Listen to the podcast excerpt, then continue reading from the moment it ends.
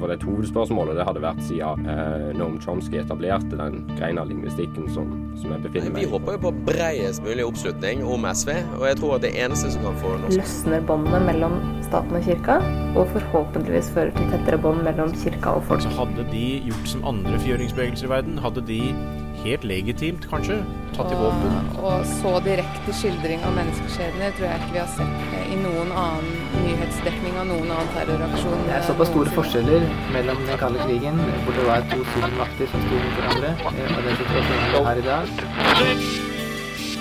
Du hører på samfunns- og aktualitetsmagasinet Opplysningen 99,3 på Radio Nova. Opplysningen 99,3 på Radio Nova.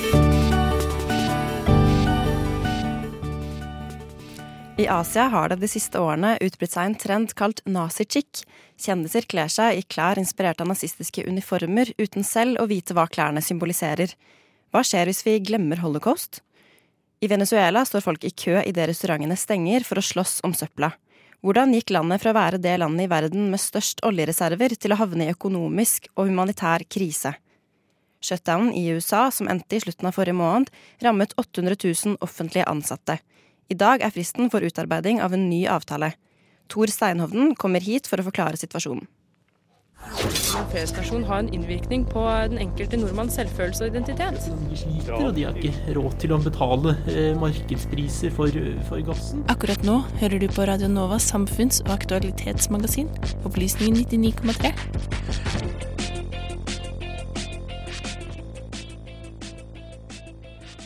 God morgen og velkommen til Opplysningen 99,3, Radio Nova sitt samfunns- og aktualitetsmagasin.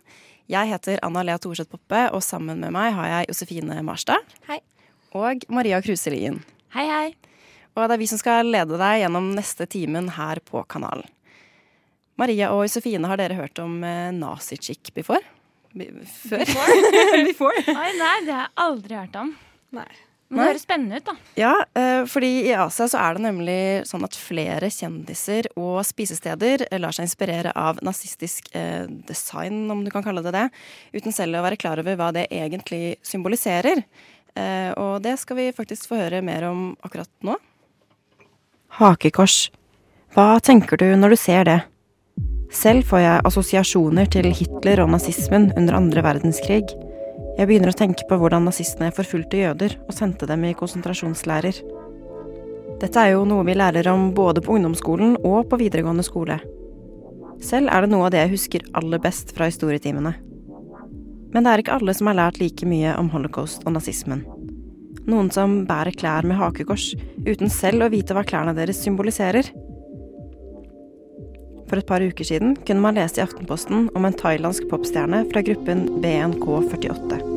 Hun brukte en T-skjorte med hakekors under en konsertøvelse, og bildet ble senere delt i sosiale medier der det ble møtt med sterk kritikk. Artisten har senere beklaget hele hendelsen til den israelske ambassaden i Bangkok. Hun sa hun ikke kjente til jødenes historie godt nok, og at det var derfor hun brukte T-skjorten. Greit nok, hadde det vært slik at kun én hadde båret hakekorset ved uhell.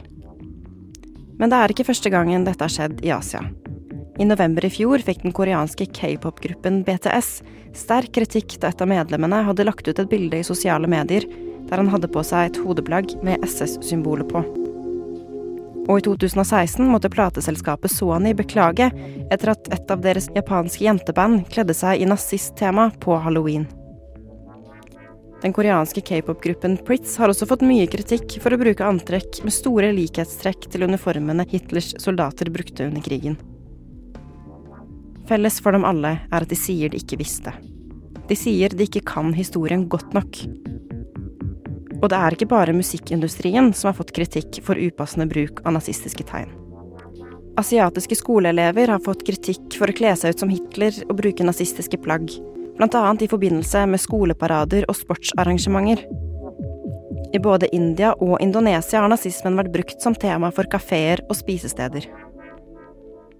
I Asia kan kanskje holocaust virke fjernt. Det er kanskje ikke en like viktig del av deres historie som det er av vår. Men hva skjer hvis vi glemmer? Hva skjer hvis de neste generasjonene ikke lærer? Har holocaust allerede blitt en fjern fortid?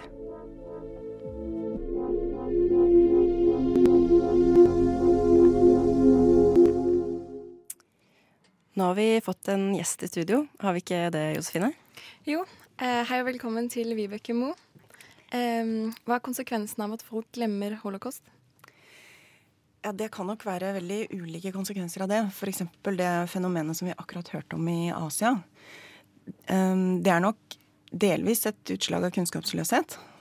Hvis folk bruker SS-uniformer eller kaller restauranten sin for Hitler kafé, så virker det unektelig uh, kunnskapsløst, som det er en viss mangel på referanser.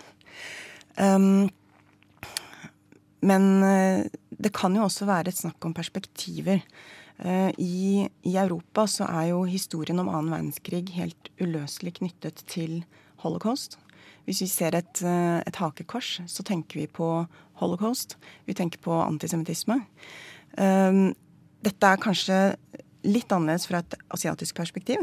Uh, vi må huske at annen verdenskrig var nettopp en, en verdenskrig. Sånn at uh, der har man sin uh, historie, sine lokale fortellinger. det kan være japansk imperialisme. og sine lidelser. Eh, så det er selvfølgelig eh, et viktig fokus i formidlingen om annen verdenskrig i Asia. Eh, men dette naziskikk-fenomenet er jo også blitt tolket som et uttrykk for kanskje det motsatte, faktisk. At man har for mye oppmerksomhet på jøder som ofre for holocaust, at, eller under annen verdenskrig. At asiatisk lidelse blir satt um, i skyggen. Sant? Da er det ikke kunnskapsløshet, men det er på en måte eh, for mye oppmerksomhet. Da. Eh, det blir kalt en, en form for offersjalusi. Um, og det er også noe vi kjenner fra Europa. Hva er offersjalusi? Ja, hva er det? Uh, det kan jo være for eksempel, altså, eh, Fra forskningen så er eh, konkurranse om offerrolle kjent ved eh, f.eks. situasjoner hvor ulike grupper er i en konflikt. Og så gjelder det å skaffe eller å få eh, sympati hos en tredjepart. Men det kan også være innad i samfunn mellom minoritetsgrupper, eller fra en eh, på andre måter at en, en, gruppe blir sett på som eh, at man tar for mye oppmerksomhet. Da. Eh, men dette er også knyttet til antisemittisme. Eh, kan du si litt om det? Ja. Um, etter holocaust så forsvant jo ikke antisemittismen, som vi vet. Man skulle jo kanskje tro det, men det gjorde den ikke. Men den fikk delvis litt andre former. Og en av de formene er at holocaust blir brukt mot jødene. Uh, man sier at istedenfor at, uh, altså at uh, etter holocaust så blir jødene forfulgt ikke til tross for Auschwitz, men på grunn av det. Um, i en undersøkelse som CNN gjennomførte for eh, ikke så lenge siden, så var det én av tre faktisk som mente at holocaust tar oppmerksomhet fra andre overgrep. Eh, men det var også én av tre som mente at jødene utnytter holocaust til sin egen fordel. Eh, og kanskje var det også noe av det som vi, vi så i, den, i dette naziskikk-fenomenet. At man at man mener at, eh, at, man snur opp ned på en måte på den offerrollesituasjonen. Og mener at jøder utnytter minnet om holocaust. At Det blir en sånn form for offersjalusi, da. Mm. Eh, hva er viktig når vi skal forholde oss til historien om eh, holocaust? Ja, jeg tror Det som er viktig, er Jeg tror man skal klare å tenke flere tanker samtidig. Um, for det første så er det selvfølgelig en jødisk historie og en, en helt unik i europeisk sammenheng fortelling om et folkemord uh, som fortjener sin plass i historien av, av, den grunn. Men for at man ikke skal komme i en sånn altså, i en situasjon hvor holocaust ikke føles relevant, da, så må man også løfte det opp til å være noe som gjelder uh, utenfor rammen av en jødisk historie. Dette er ikke en jødisk historie, det er en europeisk historie. Jeg vil si det er en del av verdenshistorien.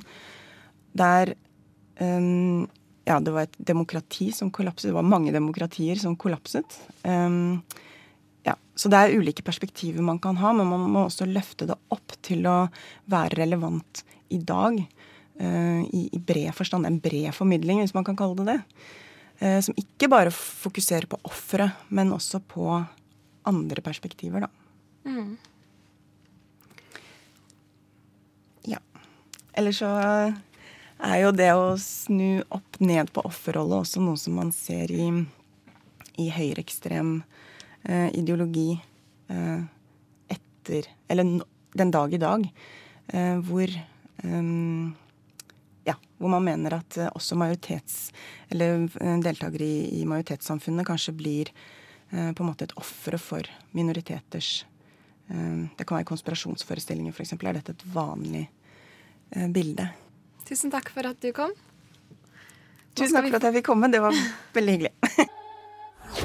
En feriestasjon har en innvirkning på den enkelte nordmanns selvfølelse og identitet. De sliter, og de har ikke råd til å betale eh, markedspriser for, for gassen. Akkurat nå hører du på Radio Novas samfunns- og aktualitetsmagasin, Opplysningen 99,3.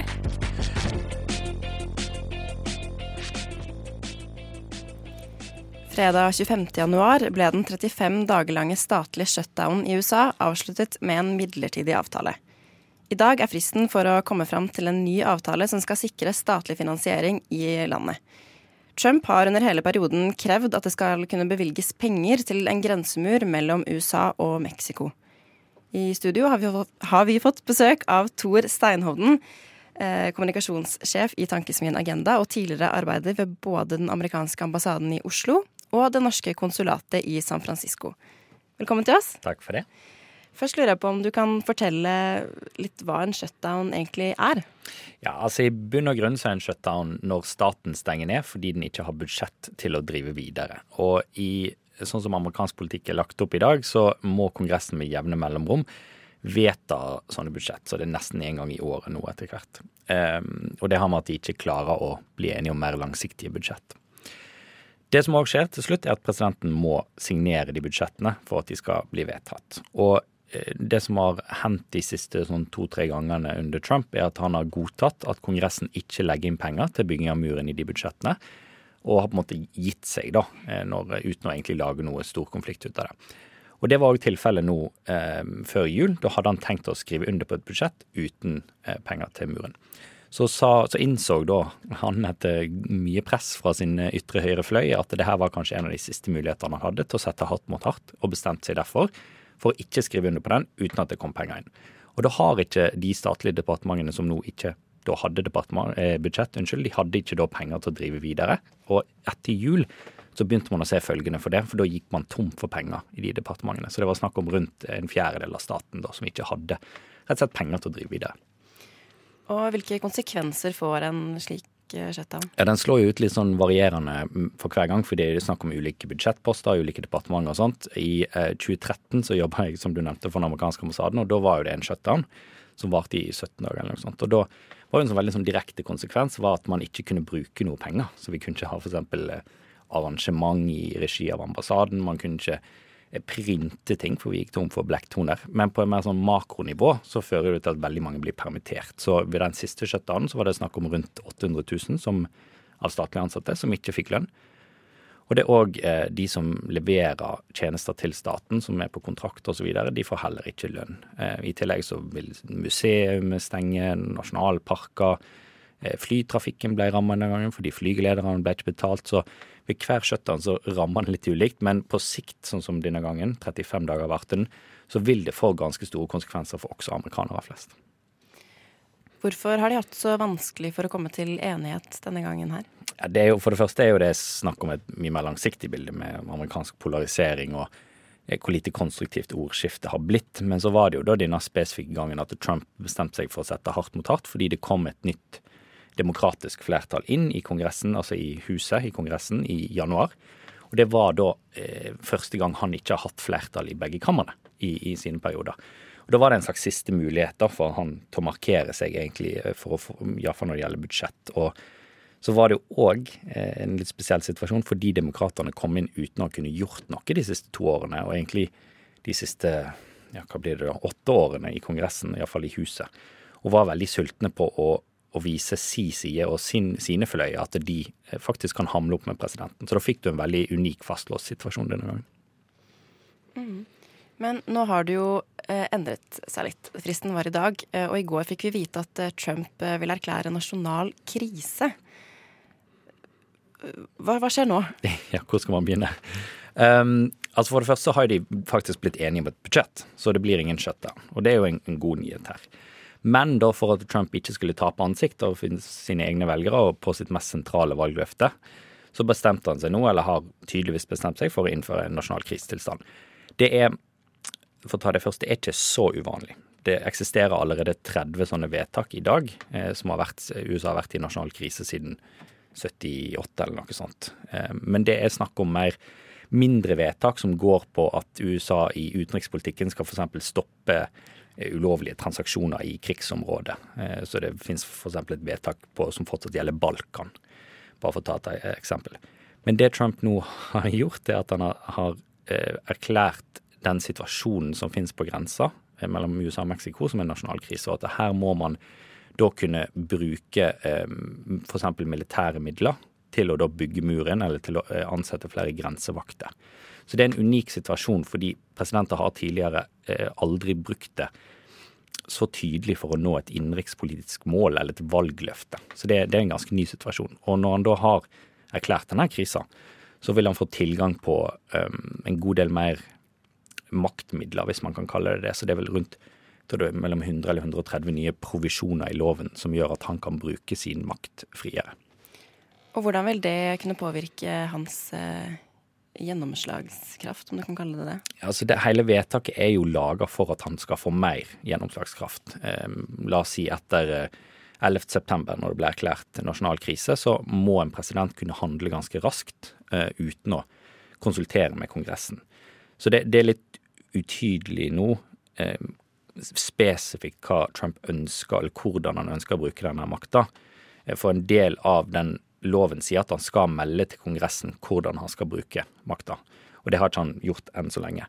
Men det vi tror, er at han kommer til å eh, ta rundt 8 milliarder dollar fra budsjettene, fra andre budsjett, til å da begynne å bygge mer på, på muren. Trump har jo lovet denne muren i flere taler eh, lenge. Blir det noen mur til slutt, tror du?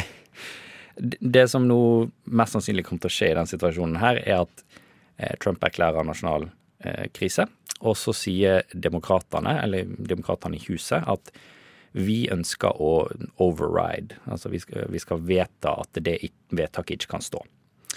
Da må Senatet også stemme over det. Der er det ikke demokratisk flertall, men man tror at kanskje får de nok republikanere med seg til at de sier at det her har du faktisk ikke lov til. Det blir veldig teknisk, men da må òg presidenten, siden det er en lov, skrive under på det. Og han har vetomakt til å si nei. Så det blir litt sånn fram tilbake. Og man tror ikke at republikanerne, nok republikanere i Senatet går med på å eh, igjen si at det vetoet er ugyldig. Så det blir kort fortalt, det blir litt fram og tilbake igjen. Så vil det mest sannsynlig òg havne opp i rettssystemet, som gjør at selv om han nå har erklært det her, så er det ikke sikkert han kan begynne å bygge den muren likevel. Så det her er nok bare starten på en masse lengre saga, eller et nytt kapittel da i sagaen Trump. Det blir spennende å se hvordan dette utvikler seg. Tusen takk for at du kom til oss. Takk for meg. Det er jo klart for de fleste at noe, noe er galt med verdensøkonomien. Alvorlig galt. First thing I, I went into prison a young man and I got out of it a very old man. Du hører på Opplysningen 99,3 på Radio Nova. I slutten av januar meldte Framtiden i våre hender at gruven eh, Vale eh, i Brasil brast igjen, slik som i 2015. Dette førte til at mange ble skadet og flere døde. Um, men samtidig har eh, store norske banker og oljefondet investeringer i denne gruven. Eh, hva skjer, og hvorfor skjer det igjen? Og hva kan vi kanskje gjøre med dette? Eh, I studiet har vi fått med oss eh, Jonas Andøy Holmquist, rådgiver i Framtiden i våre hender, for å eh, finne ut litt mer om dette her. Velkommen til oss. Takk for det. Eh, det er et kjent fenomen at gruvedriftsindustrien ikke er den reneste av industrier som vi har. Vil du innledningsvis fortelle om hvorfor dere er spesielt opptatt av akkurat denne gruven? Det er jo veldig tragisk at en av gruvene til en gruveselskapet Vale eh, kollapser eh, og skaper så store ødeleggelser relativt kort tid etter at de hadde en annen stor eh, ulykke på tampen av 2015. Eh, vi har sett på dette fordi mange norske banker er investert. eh, og vi vet at de har aktivt arbeid med miljø og etikk, og ville forventet at de hadde sett nærmere på dette, og derfor kanskje ikke investert i Vale pga. Eh, track recorden de har på miljø. Uh, men uh, eh, hvilket selskap er det er eh, det som driver denne gruven? Eh, Selskapet som driver denne gruven, heter Vale. Ja. Gru- Gruveulykken i 2015 var i en gruve som Vale eide sammen med et par andre um, internasjonale gruveselskaper. Mm. Men uh, Vale var altså eier i begge, og er eneeier i denne gruven som ligger ved Brumadinho i Minas Gerais i Brasil. Um, vil du si noe mer om hvilke norske aktører som er involvert i det, denne gruven? Ja, alle de store norske bankene, eh, og spesielt oljefondet, er investert i eh, Vale. Eh, DNB, Nordea, Danske Bank og KLP er alle inne med penger i, i aksjer i eh, Vale. Og oljefondet, gjennom Norges Bank Investment Management, er inne med den aller største posten, 500 millioner norske kroner. Ja, det er store summer. Men Storebrand trakk seg ut, har vi fått vite, i 2015. Hva er årsakene årsaken til at de andre ikke gjør dette? Storebrand eh, satte Hvale opp på sin eh, uttrekksliste, eller eksklusjonsliste, i 2015 eh, pga. den forrige ulykken, rett og slett. Eh, men eh, det som skjedde, var jo at de etter eh, en stund tok selskapet inn igjen. Eh, fordi de tenkte at her har selskapet gjort nok forbedringer til at det kan være verdt å investere. Storebrand var ikke investert nå i januar, så de hadde ikke investert, men de hadde ikke lenger Vale på sin eksklusjonsliste. De andre bankene har alle hatt aktiv dialog med Vale. Eh, De har valgt en linje hvor de har en selskapsdialog, og gjennom det prøver å forbedre selskapet. Eh, Noen av bankene har gjort denne dialogen sjøl, og andre har gjort det sammen med andre investorer gjennom tredjepartsaktører, sånn som konsulenter. Eh, DNB eh, fortalte oss da vi spurte de om de var investert og hva slags eierskapsarbeid de eventuelt hadde gjort, at de eh, i høst, løpet av høsten 2018 hadde avsluttet eierskapsarbeidet nettopp fordi de var så fornøyd med alle tiltakene Vale hadde gjort, forbedringer og rutiner internt de hadde fått på plass. Men hva er det som konkret gjør at det blir potensielt bedre, da? Kan vi tro på dette? Det er jo et spørsmål eh, vi har stilt bankene eh, litt åpent. Hva er det som har gjort den gått feil, når de har hatt en aktiv dialog eh, med selskapet, og alle sammen har inntrykk av at de får fremskritt i denne dialogen? Da kan man jo spørre seg om eh, bankene ikke stiller strenge nok krav, eller om bankene rett og slett får feil informasjon av Vale. At de sitter og forteller om ting som de ikke gjør godt nok. Det er også en del av bakgrunnen her at eh, miljøreguleringene i Brasil eh, er blitt svekket de siste årene. Eh, det kan stilles spørsmål ved om hele instituttet ved eh, kontroll av disse eh, avfallsdammene som det er ved gruvene, er godt nok. Eh, vi vet jo at denne dammen som brast nå i januar, var kontrollert mindre enn en uke før den brast. Ja. Ehm, men eh, det er jo ute og Ja, jeg ville si noe om eh, de som lever ved, og som har fått erfare liksom hvordan Eller hvordan deres livsvilkår har blitt preget av eh, denne, disse, denne typen form for ulykker. da. Vil du si noe om hvem disse er? Ja, Framtiden i hender har ikke partnere som er eh, lokalt til stede i eh, Brasil og i Minas Gerais. Så det eh, vi vet, baserer seg i stor grad på ting som er rapportert i media. Men vi vet jo at et veldig stort antall, både som jobbet ved gruven, og familiene til de som jobbet ved gruven og andre i lokalsamfunnet, døde. Over 100 stykker, og fortsatt godt over 100 som er savnet. Så det kan være snakk om 200-300 mennesker til sammen som er drept pga. denne ulykken. Eh, og samtidig så vet vi jo at eh, disse gruvene er store arbeidsgivere. Eh, lokalsamfunnet er ganske avhengig av den industrien som er der, og de lønningene og familiene til de som jobber der, er i stor grad avhengig av driften i gruvene. Men vi ser jo også at dette blir kjempestore miljøkatastrofer. De sier ikke primært at eh, det slammet som har rent ut her, er giftig. Men det er klart at, at gruveavfall inneholder veldig ofte tungmetaller og andre ting som setter spor i naturen, og som ødelegger grunnlaget for menneskeliv. Da er det ikke kanskje primært de som bor i den nærmeste landsbyen og som har lønnsarbeid, men folk som bor lenger ned langs elva og urfolks eh, eh, stammer, som nærmere bruker naturen, fisker osv., som blir påvirka. Og de vet vi blir påvirka i svært lang tid, både av sånne store, alvorlige utslipp og andre lekkasjer fra gruveindustri. Um, hva tenker du om eh, Norge, den norske stat sin, sin slags sånn dobbeltrolle som eh, miljøaktivist og miljø på en måte for, eller foruren, forurenser? Eh, hvordan, eh, sånn som at f.eks. oljefondet skal ha en sånn type etisk Det har et etisk eh, Det skal være noe etikk inn i bildet da, ved investeringer, samtidig som man er med på å gjøre sånne ting som Eller at dette kan også forekomme på samme tid. Hva tenker du at eh, hvordan, Hva gjør man med den problematikken? Vi synes jo at terskelen her for lengst er passert for hva som er innenfor de etiske standardene vi har satt.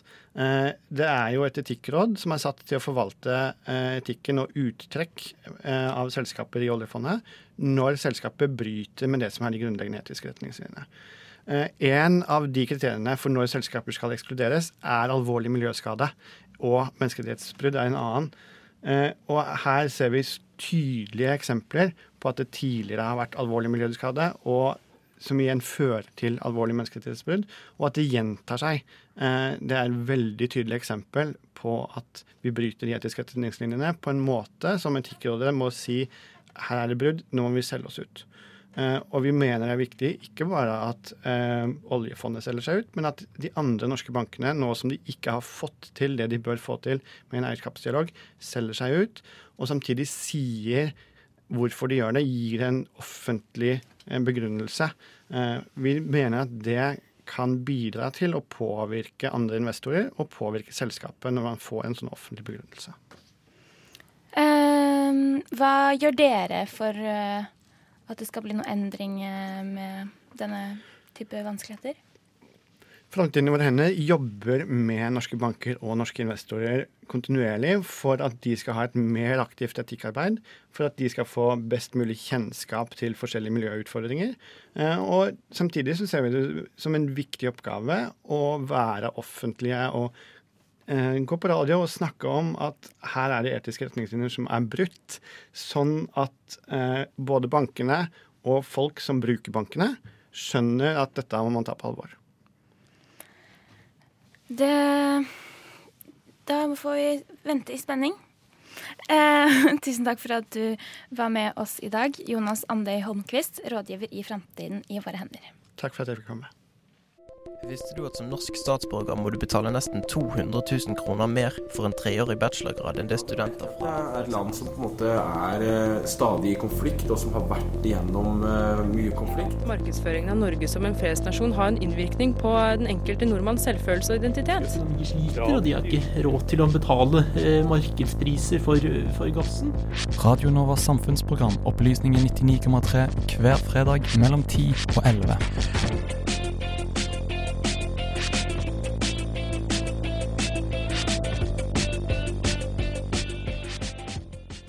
Josefine og Maria, ja. hva, hva, vet dere egentlig om Venezuela?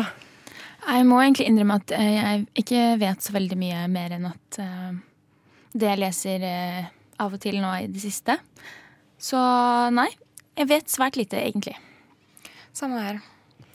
Ja, fordi da kan jeg jo si da at Venezuela det er det landet i verden med størst oljereserver. Og da skulle man jo kanskje tro at det egentlig var et ganske rikt land.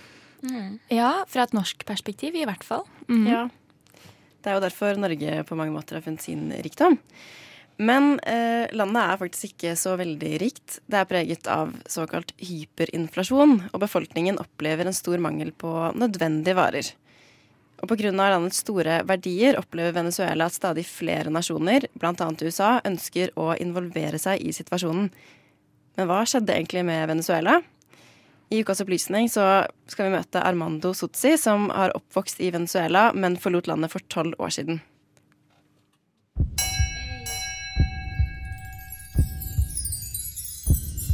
Ukas opplysning. By the end of the day in restaurants, you can see queues in the back of the restaurant, people fighting each other for the bags of trash. And this is insane. I've never seen this in any other country, never in my life. People eating from the trash, fighting about it. Armando Sotzi er 35 år gammel. Han dro ifra Venezuela for tolv år siden, og i løpet av den tiden han har vært borte ifra landet, har det endret seg dramatisk.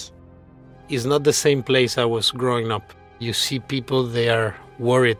You see that it's about money. Everything it's about money and about food. You know, it's it's a critical thing. It's a critical situation. Armando har vokst opp i Caracas, som er Venezuelas hovedstad.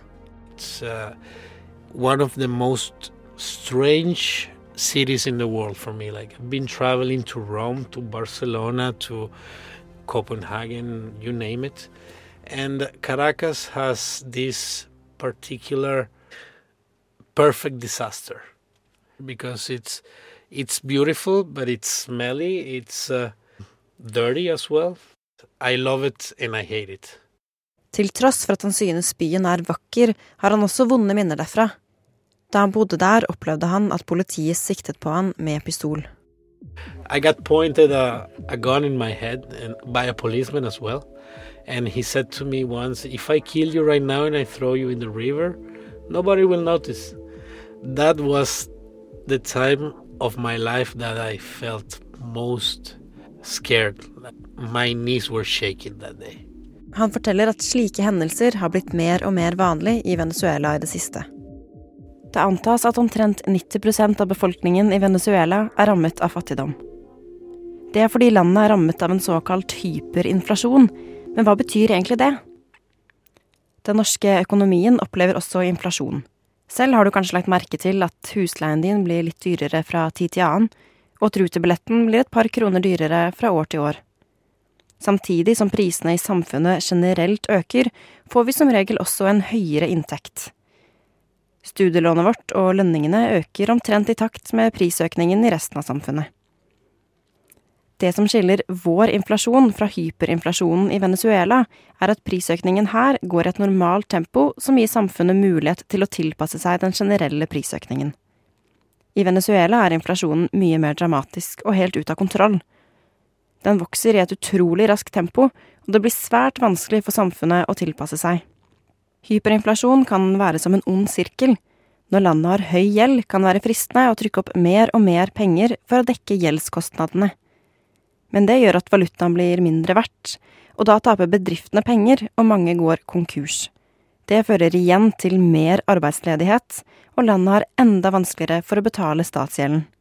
Da kan det igjen være fristende å trykke enda mer penger, og slik opprettholdes sirkelen. Minstelønnen i Venezuela lå i starten av februar på rundt 18 000 bolivares i måneden, noe som da tilsvarte omtrent 50 norske kroner. Én boks med peanøttsmør kan koste nesten tre ganger så mye som den månedlige minstelønnen i Venezuela. My family struggles like like every family in Venezuela struggles to find first necessity products. Let's say sugar, eggs, milk, salt, or whatever you think it's uh, basic, like you think it's normal to find. In Venezuela, could be an adventure to find. Da Armando bodde i Venezuela, var det Hugo Chávez som satt med makten. Han styrte landet fra 1999 til 2013. Chavez is the guy who finally could destroy Venezuela. Chávez var like forhatt blant sine motstandere som han var elsket av sine tilhengere. Tilhengerne hans roste han for å forsøke å være en slags Robin Hood, han skulle tale de fattiges sak. Motstanderne sa at han var autoritær og maktsyk. I løpet av Chávez tredje presidentperiode fikk han gjennomført en endring i grunnloven som gjorde at han kunne stille til gjenvalg så mange ganger han ville. Han styrte landet til han døde i 2013. Det var Nicolas Maduro som tok over makten da Chávez døde. What did I think when Maduro took power? Well, he's a clown. And he doesn't know how to handle a country. Maduros presidentperiode har vært preget av alvorlig økonomisk krise som følge av fallet i oljeprisen. Som et resultat av det er landet utsatt for en hyperinflasjon og stor mangel på nødvendige varer. Regjeringen har mistet mye av støtten de før hadde fra folket, fordi Maduro har vanskelig for å håndtere problemene i landet.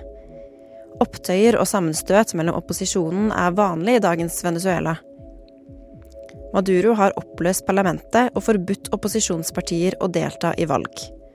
Men Venezuela har for øyeblikket to presidenter. Maduro, som tok over makten etter Chávez, og Juan Guaidó, som flere vestlige nasjoner, bl.a. USA, mener burde ha makten i Venezuela. It's not that I like him, because I don't, but I support his cause because I think it's the only viable way to get out from this. Armando har fremdeles familie i Venezuela som han holder kontakten med. It worries me that something could happen to my parents uh, unrelated to health, you know, like being robbed or kidnapped. This is like one of my biggest fears.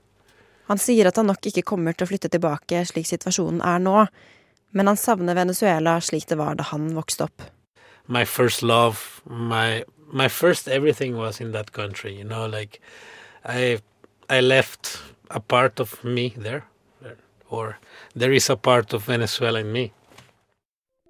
Visste du at som norsk statsborger må du betale nesten 200 000 kroner mer for en treårig bachelorgrad enn det studenter Det er et land som på en måte er eh, stadig i konflikt, og som har vært igjennom eh, mye konflikt. Markedsføringen av Norge som en fredsnasjon har en innvirkning på den enkelte nordmanns selvfølelse og identitet. De sliter, og de har ikke råd til å betale eh, markedspriser for, for gassen. Radio Novas samfunnsprogram Opplysningen 99,3 hver fredag mellom 10 og 11.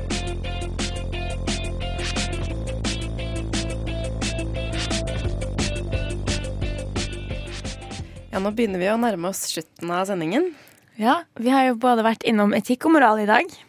Ja, vi har til og med nesten vært eh, jorden rundt, kan man kanskje si. Mm. Men Kom det er ja. ingen grunn til å forlate kanalen helt anna, fordi studentnyhetene kommer etter oss, og de skal snakke om Valentine's Day og om nedleggelsen av kjønnsstudier i Ungarn. Ja, det burde folk få med seg. Det er viktig tematikk. Veldig viktig tematikk. Medvirkende til denne ukas sending var Sander Georg Lia Zakaria, Marie Kruse Lien, Josefine Marstad og meg selv, Anna Lea Thorseth Poppe.